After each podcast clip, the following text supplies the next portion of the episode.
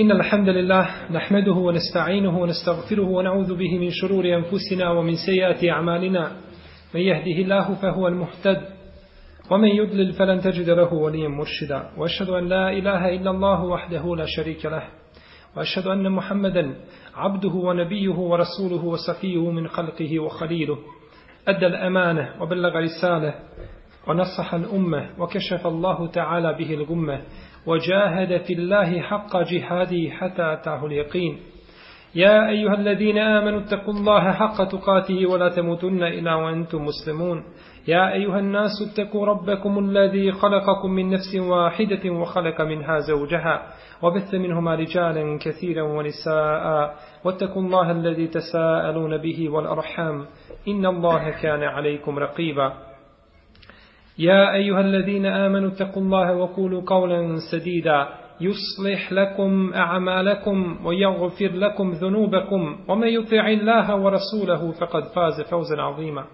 أما بعد فإن أحسن الكلام كلام الله وخل الهدي هدي محمد صلى الله عليه وسلم وشر الأمور محدثاتها وكل محدثة بدعة وكل بدعة ضلالة وكل ضلالة في النار نسمو نشم u predavanju kazali da ćemo početi sa jednim novim poglavljem koje se zove Babu Sivak ili poglavlje Misvaka. Poglavlje Misvaka. U ovome poglavlju autor je spomenuo četiri hadisa o kojima ćemo, inša Allah, govoriti u narednim predavanjima. Esivak, sin sa kesrom, esivak, odnosi se na dijelo odnosno na rad, na čišćenje usta mi svakom i odnosi se na sami mi svak. I jedno i drugo, znači upotrebljava se za to riječ sivak. Prvi hadis koga je spomenuo autor ovdje jeste hadis koga prenosi Ebu Horeire da je poslanik sallallahu alaihi wasallam rekao ala ummeti le bis sivaki, a inda kulis salah. u ovome hadisu koji je 20. po redu, kaže poslanik sallallahu alaihi wasallame da se ne bojim da će otežati svome ummetu naredio bi im da koriste misvak pri svakom namazu ili kod svakog namaza. Ovdje riječ leuna da nije bojazni da će otežati svome ummetu. Da nije bojazni, ovo je riječ koja negira nešto zbog postojanja nečega.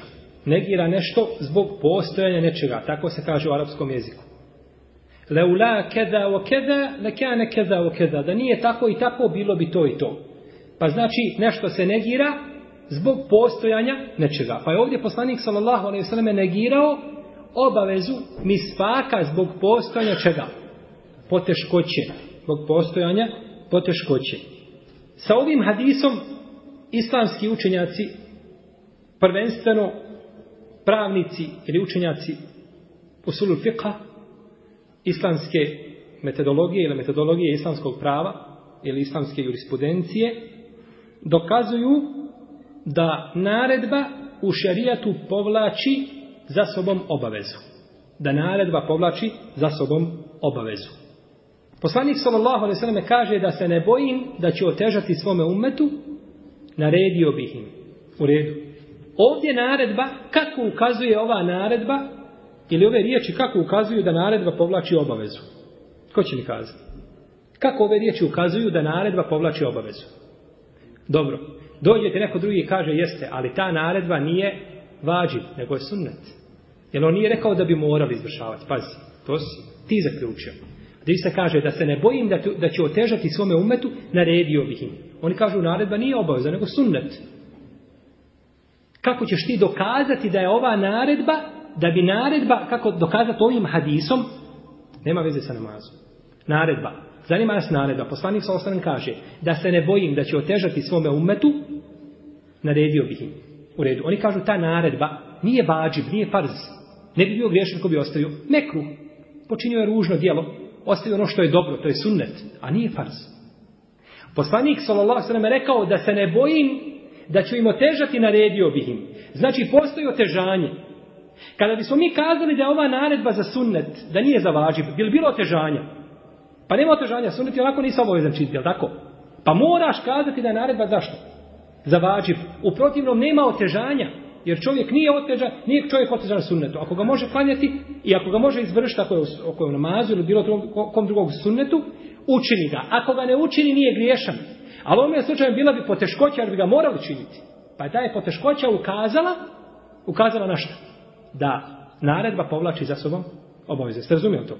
Znači ta postojanje te poteškoće. U protivnom ne bi riječi, ne bi riječi ovaj, ne bi riječi imale svoga, ne bi imale svoga značenja ne bi riječi ove poteškoće imala svoga značenja. Jer poslanik sa osam kada bi rekao nešto je sunnet i otežao sam svome umetu. Primjer je. Ne može teži, to je sunnet, nije čovjek obavezan da ga učini u smislu da je griješan ako ga ostavi. Pa je ta poteškoća ukazala da bi znači ova naredba povukla neminovno za sobom obavezu. I ovo je mišljenje, većine islamskih pravnika.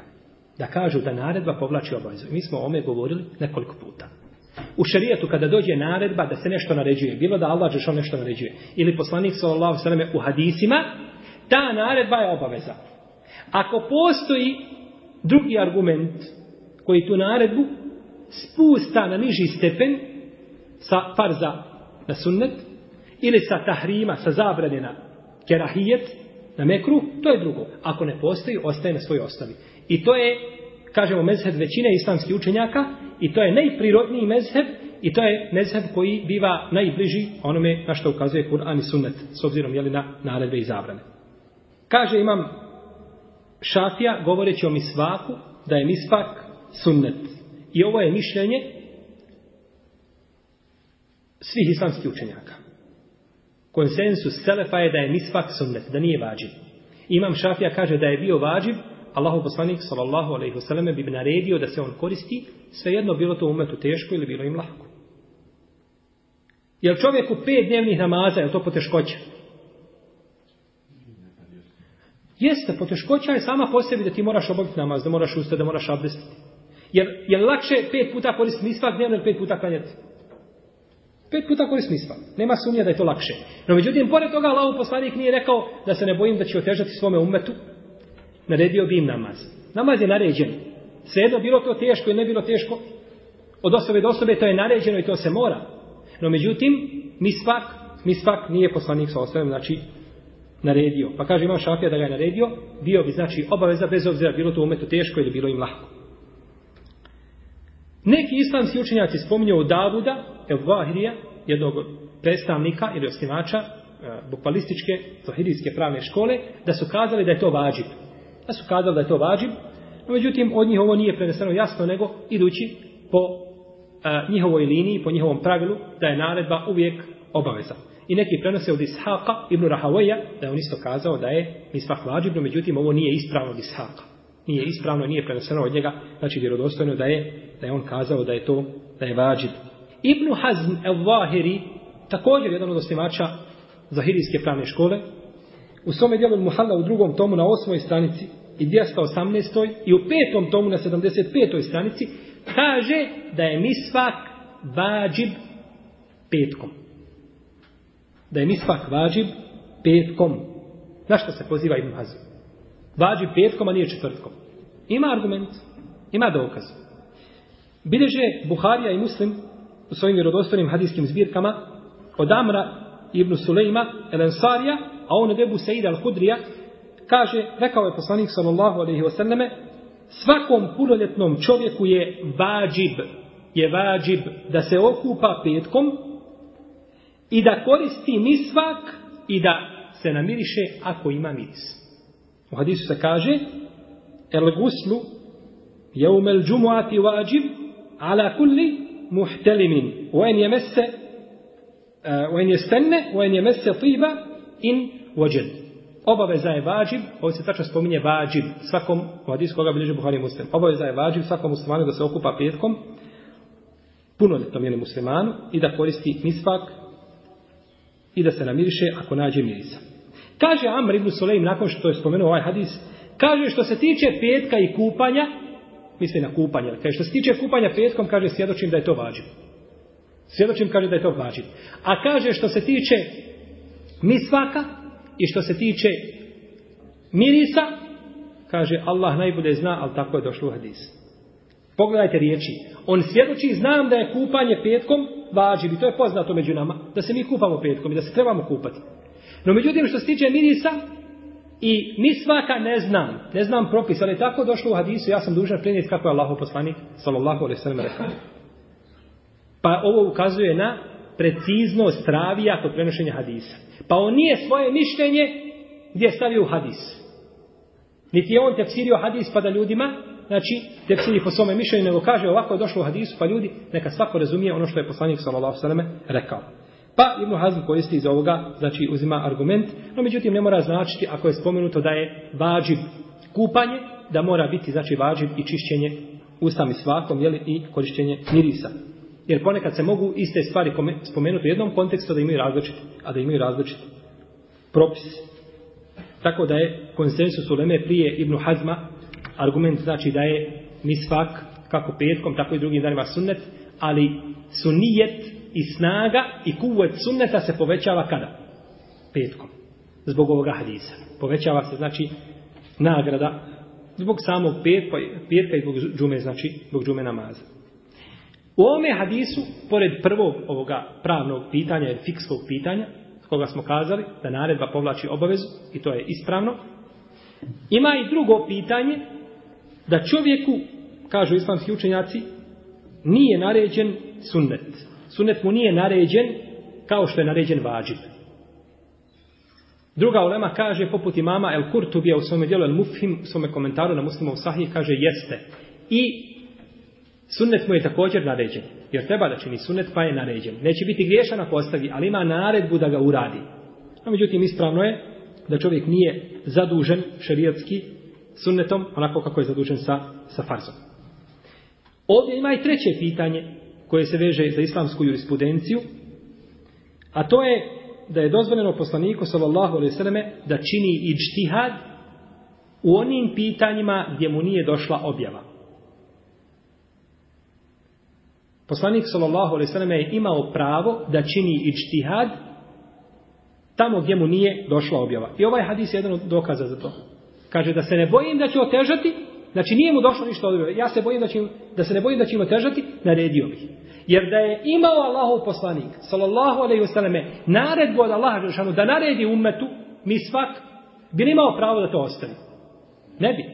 Pa mu znači nije došla ta naredba, nije mu došao tekst i objava po tom pitanju, pa kaže da se ne bojim zbog vrijednosti i odlika mi svaka, ja bih im to naredio. No, međutim, neću to učiniti iz bojazni da im ne otežam.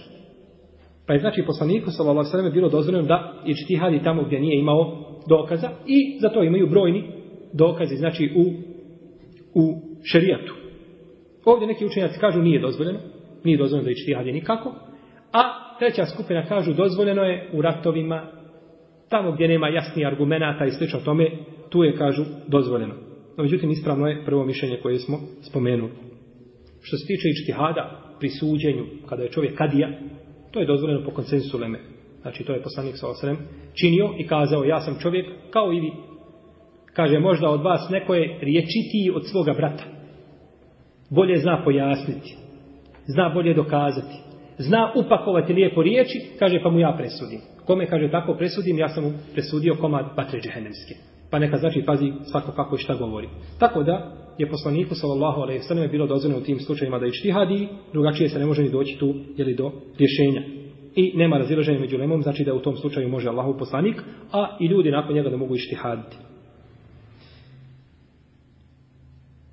Ovdje ima još jedno četvrto usulsko pitanje Koga islamski učenjaci zaključuju? Pogledajte koliko islamski učenjaci zaključuju pitanja usulski. Ovo je fikski hadis, sa fik vezan. Ali oni dolaze, učenjaci islamske jurisprudencije, i iz ovoga hadisa i drugi hadisa izvlače sebi pravila. Jer je usulul fik, braće moja, jako bitna nauka. Neki koji nisu razumjeli ovu nauku smatraju, kažu, to je filozofija. Naredba, obaveza, zabrana, lijepo. Opći, posebni, derogirajući derogirani. Nije, to su sve pravila izvučena iz Kur'ana i sunneta. Kad kažemo naredba povlači obavezu za sobom, to je pravilo na kome možeš graditi hiljade i hiljade fikskih pitanja i da se odmoriš da te glava ne boli. Pa su ta pravila uzeta iz Kur'ana i sunneta. Ako bismo kazali da je usulul fik filozofija, onda bismo isto slobodno mogli kazati da je teđvid filozofija. Bez razlike. Jer teđvid nije bio u vrijeme Allahovog poslanika, sallallahu teoretski. Niti je bio sultik, nego je bio šta? Praktično. Učili su Kur'an po tertilu, po teđvidu, kako treba. Ali nisu znali da nekoga upitaš gdje je guna, gdje je idgam sa je idgam bez gdje je iklab, gdje je ihpa, gdje je idgam šefavu i slično tome. Ne bi znali to. Ali je znao da ga uči, pa je znao teoretski, ali nije znao praktično. Isto je tako sa sultikom. Oni su znali da naredba povlači obavezu. Da imaju opći i posebni hadisi i o tome. Ali nisu znali, znači, nisu znali ovakav vid pojašnjenja nisu i znači ovako klasificirali ili da su poznavali ta pravila. Ali je što se tiče prakse to to postojalo. Pa kažu ovdje ima četvrto pravilo koje se veže za usul a to je da opća naredba u šarijetu ne znači kontinuitet. Pazite, opća naredba u šarijetu koja dođe ne znači znači kontinuitet nekog dijela ili njegovu stalnost. Kada nešto Allah Đeršan naredi, je li to naređeno za uvijek, da se čini uvijek, da se ponavlja ili jedan put? Neki učenjaci kažu, ovaj hadis je dokaz da je to jedan put. Kažu, ovaj hadis je dokaz da je to jedan put. Kažu, to dokazuju čime? Kako? Poslanik, sallallahu alaihi sallam, kaže u hadisu, da se ne bojim da će otežati svome umetu, naredio bih im svak, pri svakom namazu. Pa kažu da je ova naredba bila za kontinuitet, za stalnost, ne bi onda riječi pri svakom namazu imale svoga značenja. Razumijete?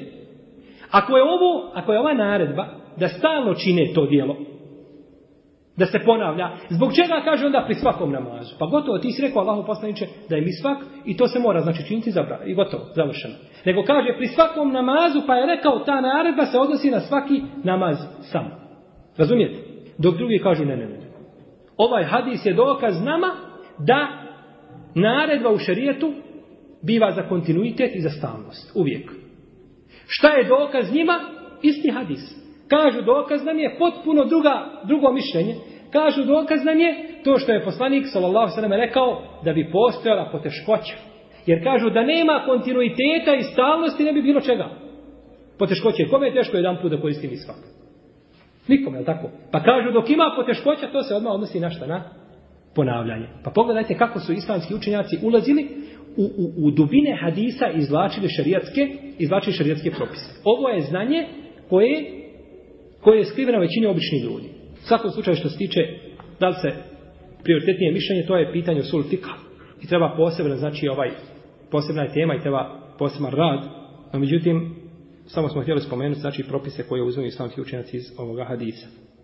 U ovome hadisu ima i peto usulsko pitanje i usudska mesela, a to je, još ćemo samo spomenuti, nećemo je pojašnjavati zato što je ona ovaj, dosta komplikovana, pa ne bismo da mutimo ono što smo možda do sada naučili. U njoj se kaže da je dozvoljeno vezati nepostojeći propis za prepreku.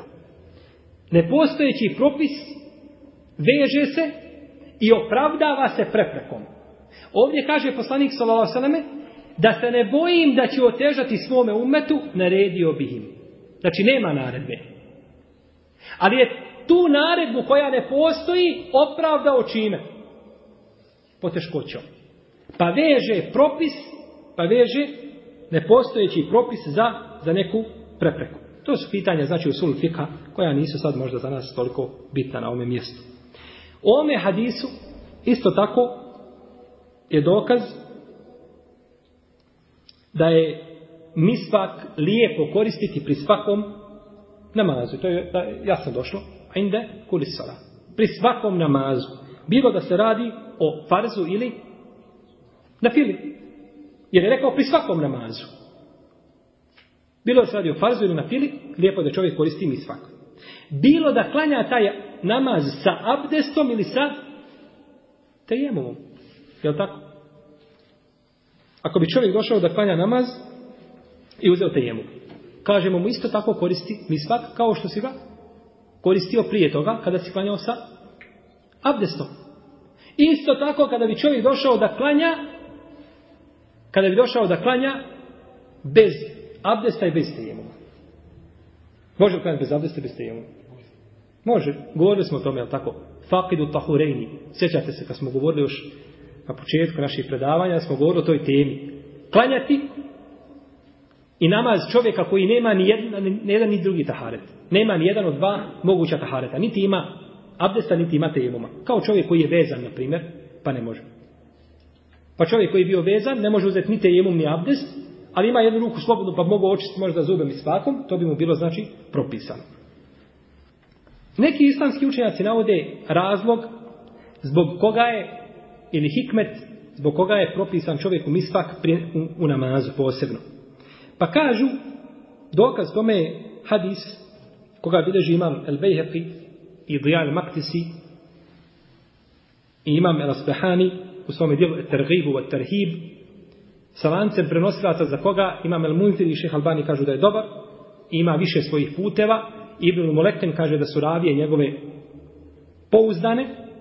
U njemu poslanik sallallahu alaihi kaže kada čovjek ustane na namaz da klanja stane iza njega melek da sluša Kur'an. Pa se kaže onda približava, približava njemu, kaže tako dok ne prođe s njegove prednje strane i dok ne stavi svoja usta na njegova usta. I kaže tako, sve što uči čovjek od Kur'ana u namazu izlazi iz usta čovjeka direktno melekova usta.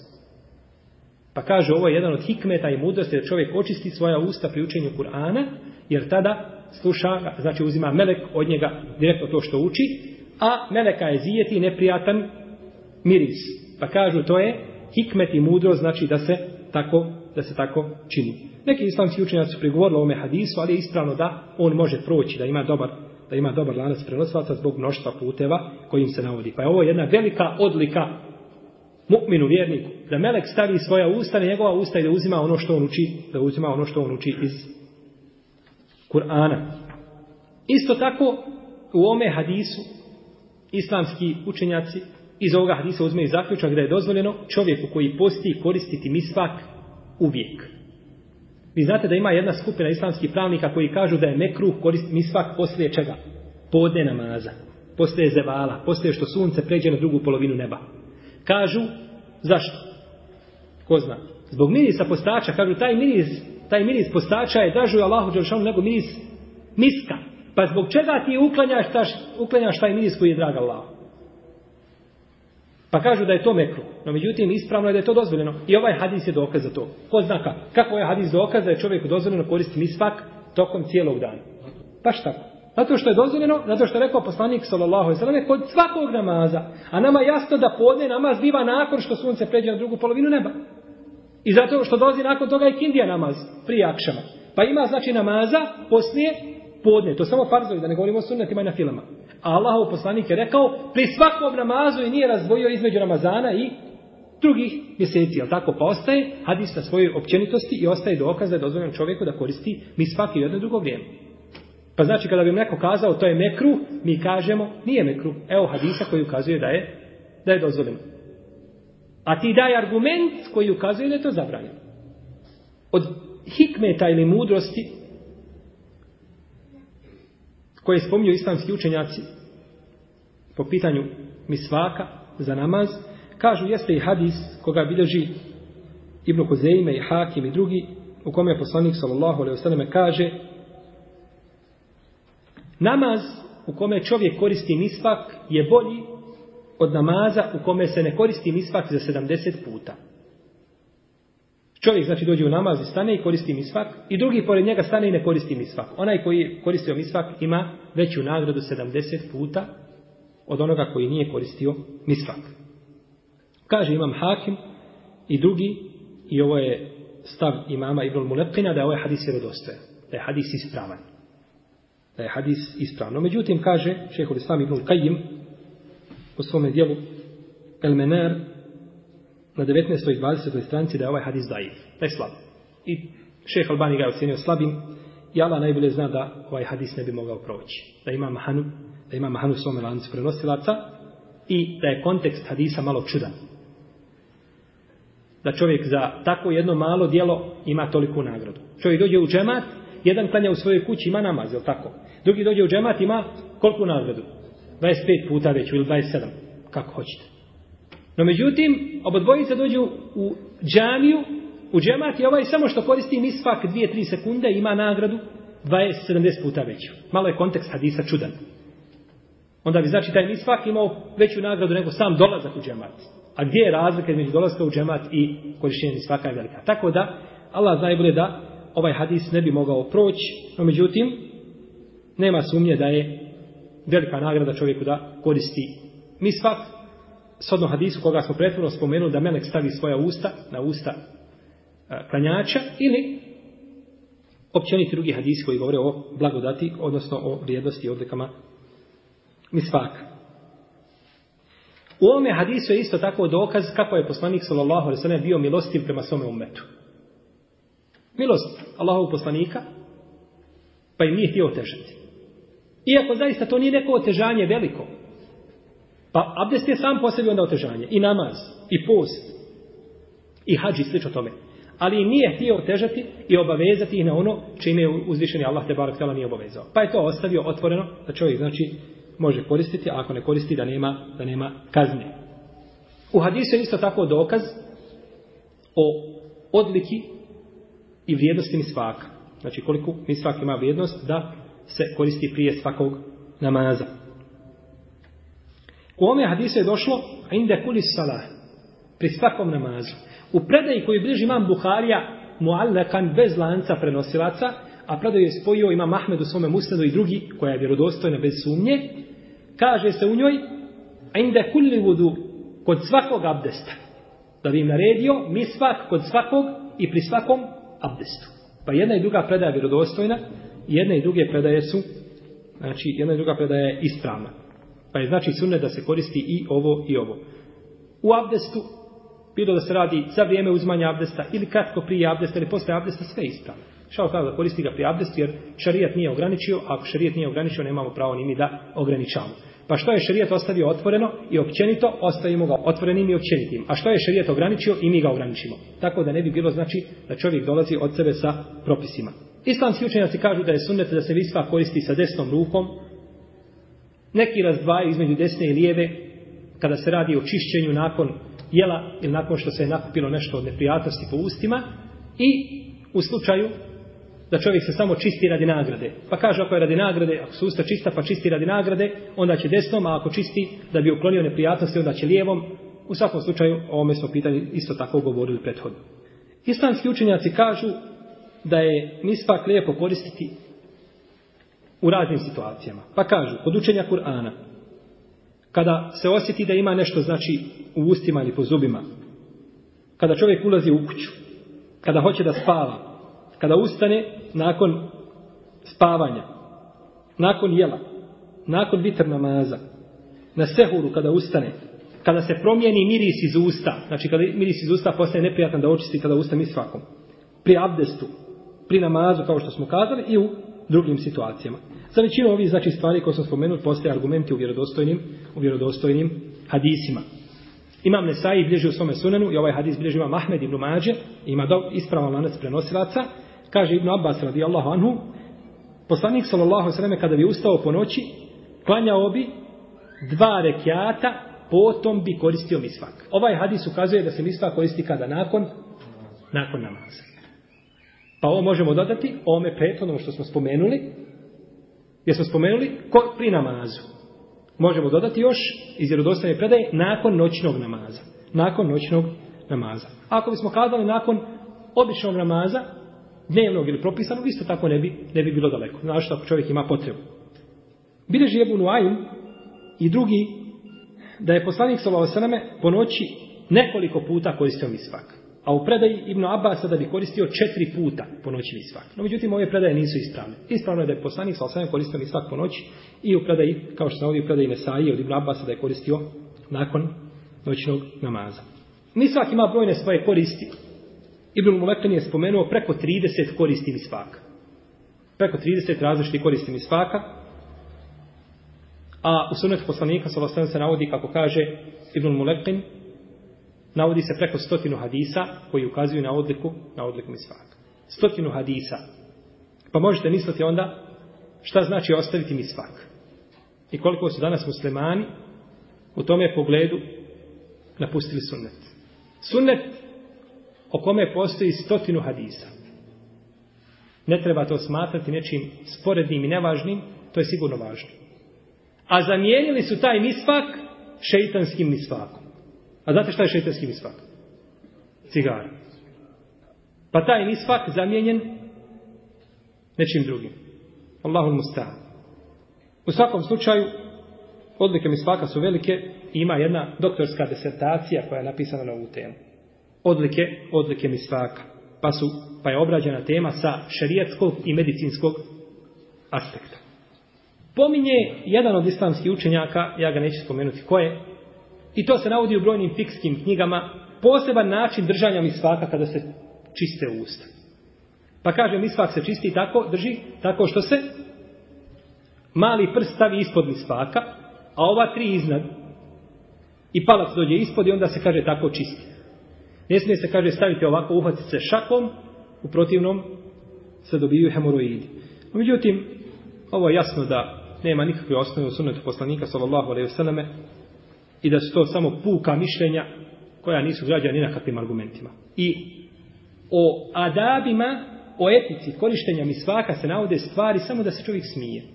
Ne bi želio time možda neko se shvati da se omalažava, omalovažavaju nečija mišljenja, no međutim mogu bi vam spomenuti stvari da se čudite. Šta su ljudi spominjali i izmišljali o misvaku. Što nema nikakve osnove, niti u Kur'anu, niti u sunnetu, niti u riječima ashaba, niti tabina, niti prvi generacija. Pa kažu, prvi put kada počneš čistiti misvak, kaže, progutaj onu pljuvačku, onu vodu od misvaka.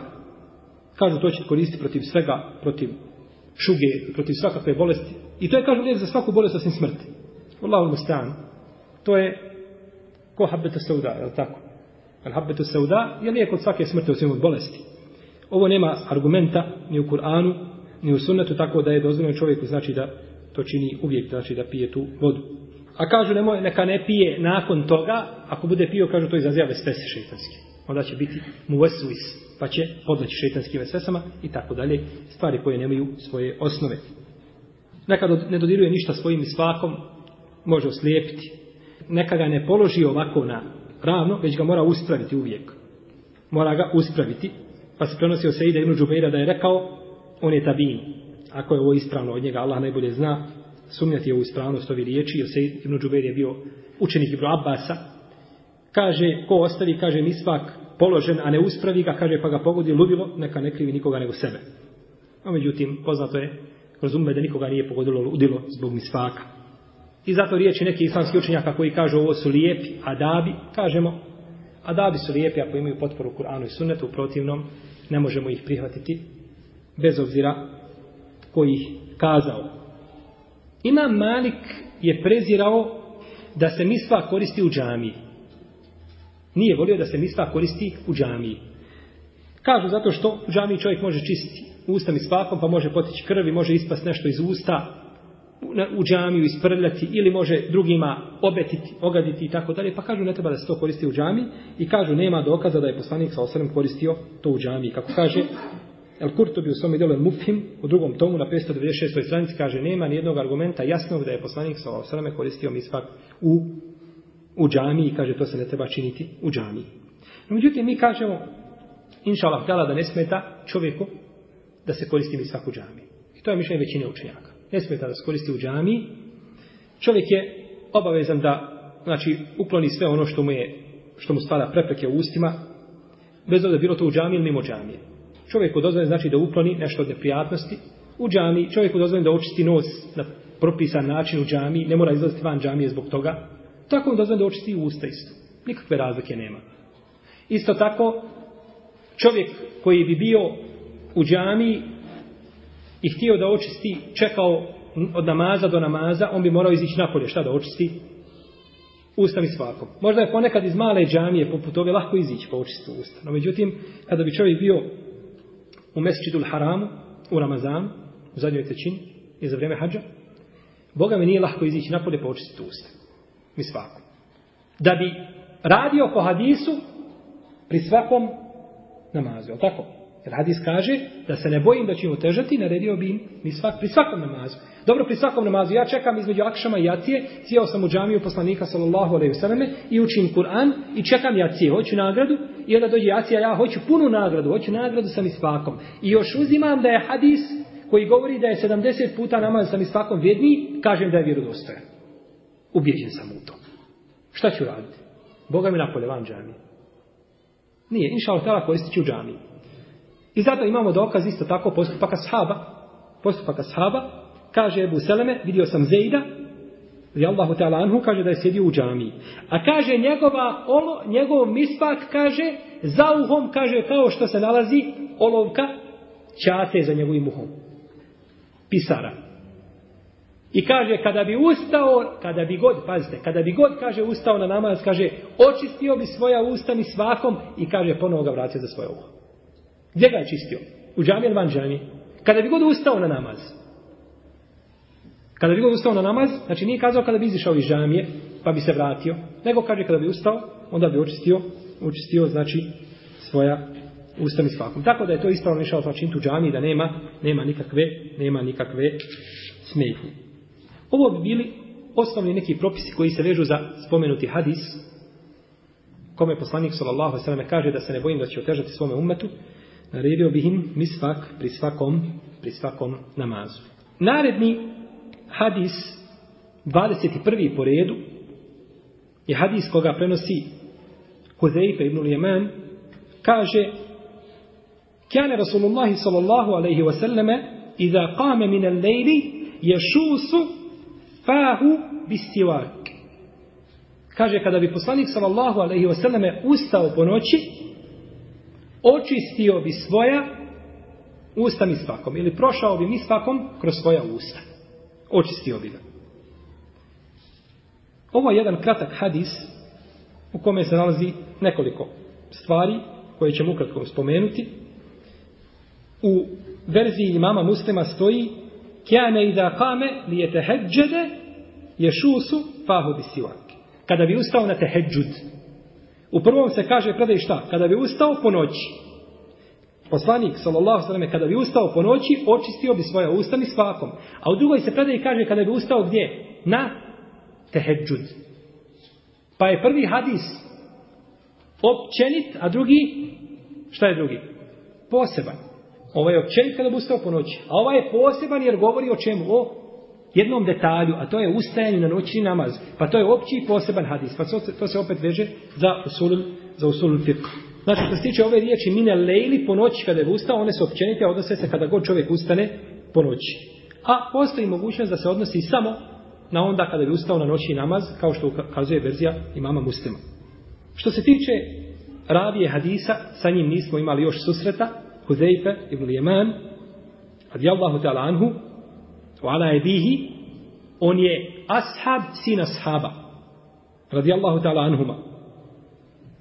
Ebu Abdillah. Ebu Surejha. Kaže mu se Ebu Abdillah ili Ebu Surejha. Jedno ili drugo postoji razliženje oko njegovog, oko njegovog nadimka. Bio je na Uhudu, on je njegov brat Safwan i njihov otac. I otac je ubijen toga dana na Uhudu. Ubijen je od strane muslimana. Ubio ga je musliman. Nehotice. Ubio ga je musliman, nehotice, Allahu te'ala anhu, smatrajući da je mušnik. Pa ga je tako ubio. Što je sigurno njemu šta? Šehadet. Jer je poginuo na bojnom polju, bez obzira koga je ubio, bilo pravom ili bez prava, on je, inša Allah, kod Allaha Žešanu, ako Bog da zaradio ono što je tražio. Huzeife je poznati ashab muhađir, Poznata je njegova priča kada je poslanik sallallahu alejhi poslao na biti na Hendeku da donese vijesti od mušrika. Sjećate se priče koju smo govorili. Kada je otišao po vijest, po kada je pitao Allahu poslanik ko će ići da mi donese vijesti, ima džennet. Pa se niko nije digao. Jedan je čovjek pričao pred njim, kaže da sam ja bio u vrijeme poslanika sallallahu alejhi ja bih tako, ja bih tako govorio, pa ga je onda Huzejfe ušutkao ovim hadisom i ovim događajem. Kaže Huzejfe radijallahu ta'ala anhu, bio sam sa poslanikom sallallahu pa je kazao znači ko će mi donijeti vijest od mušika njemu pripada njemu pripada džennet. Kaže pa se niko nije digao tri puta Allahu poslanik sallallahu ponavlja niko se ne diže. a sahabi neće džennet. Hoće džennet, ali strah je to. Otići među nevjerničku vojsku da ti uzmeš nešto. Pa je rekao ustani Kaže kada je prozvao po imenu, kaže gotovo je. Tad sam znao kaže da sam ja, nema drugog. Pa je otišao i učinio je to i učinio je ono što je poslanik sa osaneme tražio i poznata je njegova priča. Kada bi Omar radijalahanu, kad bi htio znati nekog od munafika, došao bi kod Huzeife, pitati ga. Pitati ga. I sam je za sebe pitao. Kaže, Allahom te preklinjem, kaže, reci ja sam ja munafik. Kaže, tebi ću reći, vallahi, posle tebe neću nikom. Kaže, nisi. A Omar Allahanu je za sebe pitao prvo, počeo o sebe, sam ja munafik, pa će onda gledati u druge ljude. Pa kada bi Huzeife klanjao nekom čovjeku i Omer bi klanjao. I gledao bi Huzeifu. Ako se Huzeife izmakne, i Omer bi se izmakao. Ne, oni ne govore ništa. Jer se munafik uklanja džunaza. Je li tako? Jel se klanja se ne klanja? Munafik, munafik je čovjek čiji je nipak u srcu. Ne možeš ti vidjeti njega. On je musliman, on je s tobom u sapu. On klanja, on posti, on hađ obodan, on zekija daje. Ali on munafik u srcu svome. To ne zna nikolo Allah Pa je poslanik sa osam klanjao dženazu kome? Od munafika. Najveći on njih. Predvodnik. Babi munafika. Jer on ipak je nešto što je u srcu. Ako bismo tako govorili, onda bi mi svakog čovjeka u kome vidimo nešto sumnjivo kazali tome ne treba nas Ne. Te stvari koje su vezane za srce i za dušu, to ostaje kome? Allahu te barak je On će to suditi među ljudima. A naše je spoljašnje. Primjer, jedan arabski kaže Lena vahir, wallahu je te sarajir. Nama pripada ono što je spoljašnje a Allahu pripada ono što je unutrašnje i on će suditi i on će suditi među, među ljudima.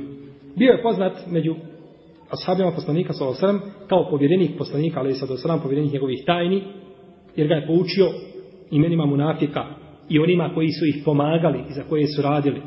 U muslimom sahihu ima hadis u kome kaže kazao mi je poslanik s.a.v. sve šta će biti do sudnjeg dana. Sve mi je kazao. Jedino kaže što ga ja nisam pitao o stanovnicima Medine, ko će ih istjerati iz Medine. A kaže nema ni jedne jedine nedaće ili fitneta koji će nastupiti, da ga ja ne znam i kaže ja sam najučeniji u tome pogledu. Što se tiče fitneta, mene pitajte. I kaže u Buharinom sahiju, kaže, pitali su ljudi poslanika sallallahu sallam o dobru, a ja sam ga, kaže, pitao o zlu, bojeći se, kaže, da mene zadesi. Bojeći se da me, da mene zadesi. Jer kako je čovjek obavezan da poznaje dobro i da ga čini, tako je obavezan da poznaje zlo i da ga se kloni. Pa je Huzeyfa radijallahu anhu to, znači, znao. Govorio je Huzeyfa radijallahu ta'ala anhu, la takumu sa'atu hatta jesude kulle kabiletin munafiquha.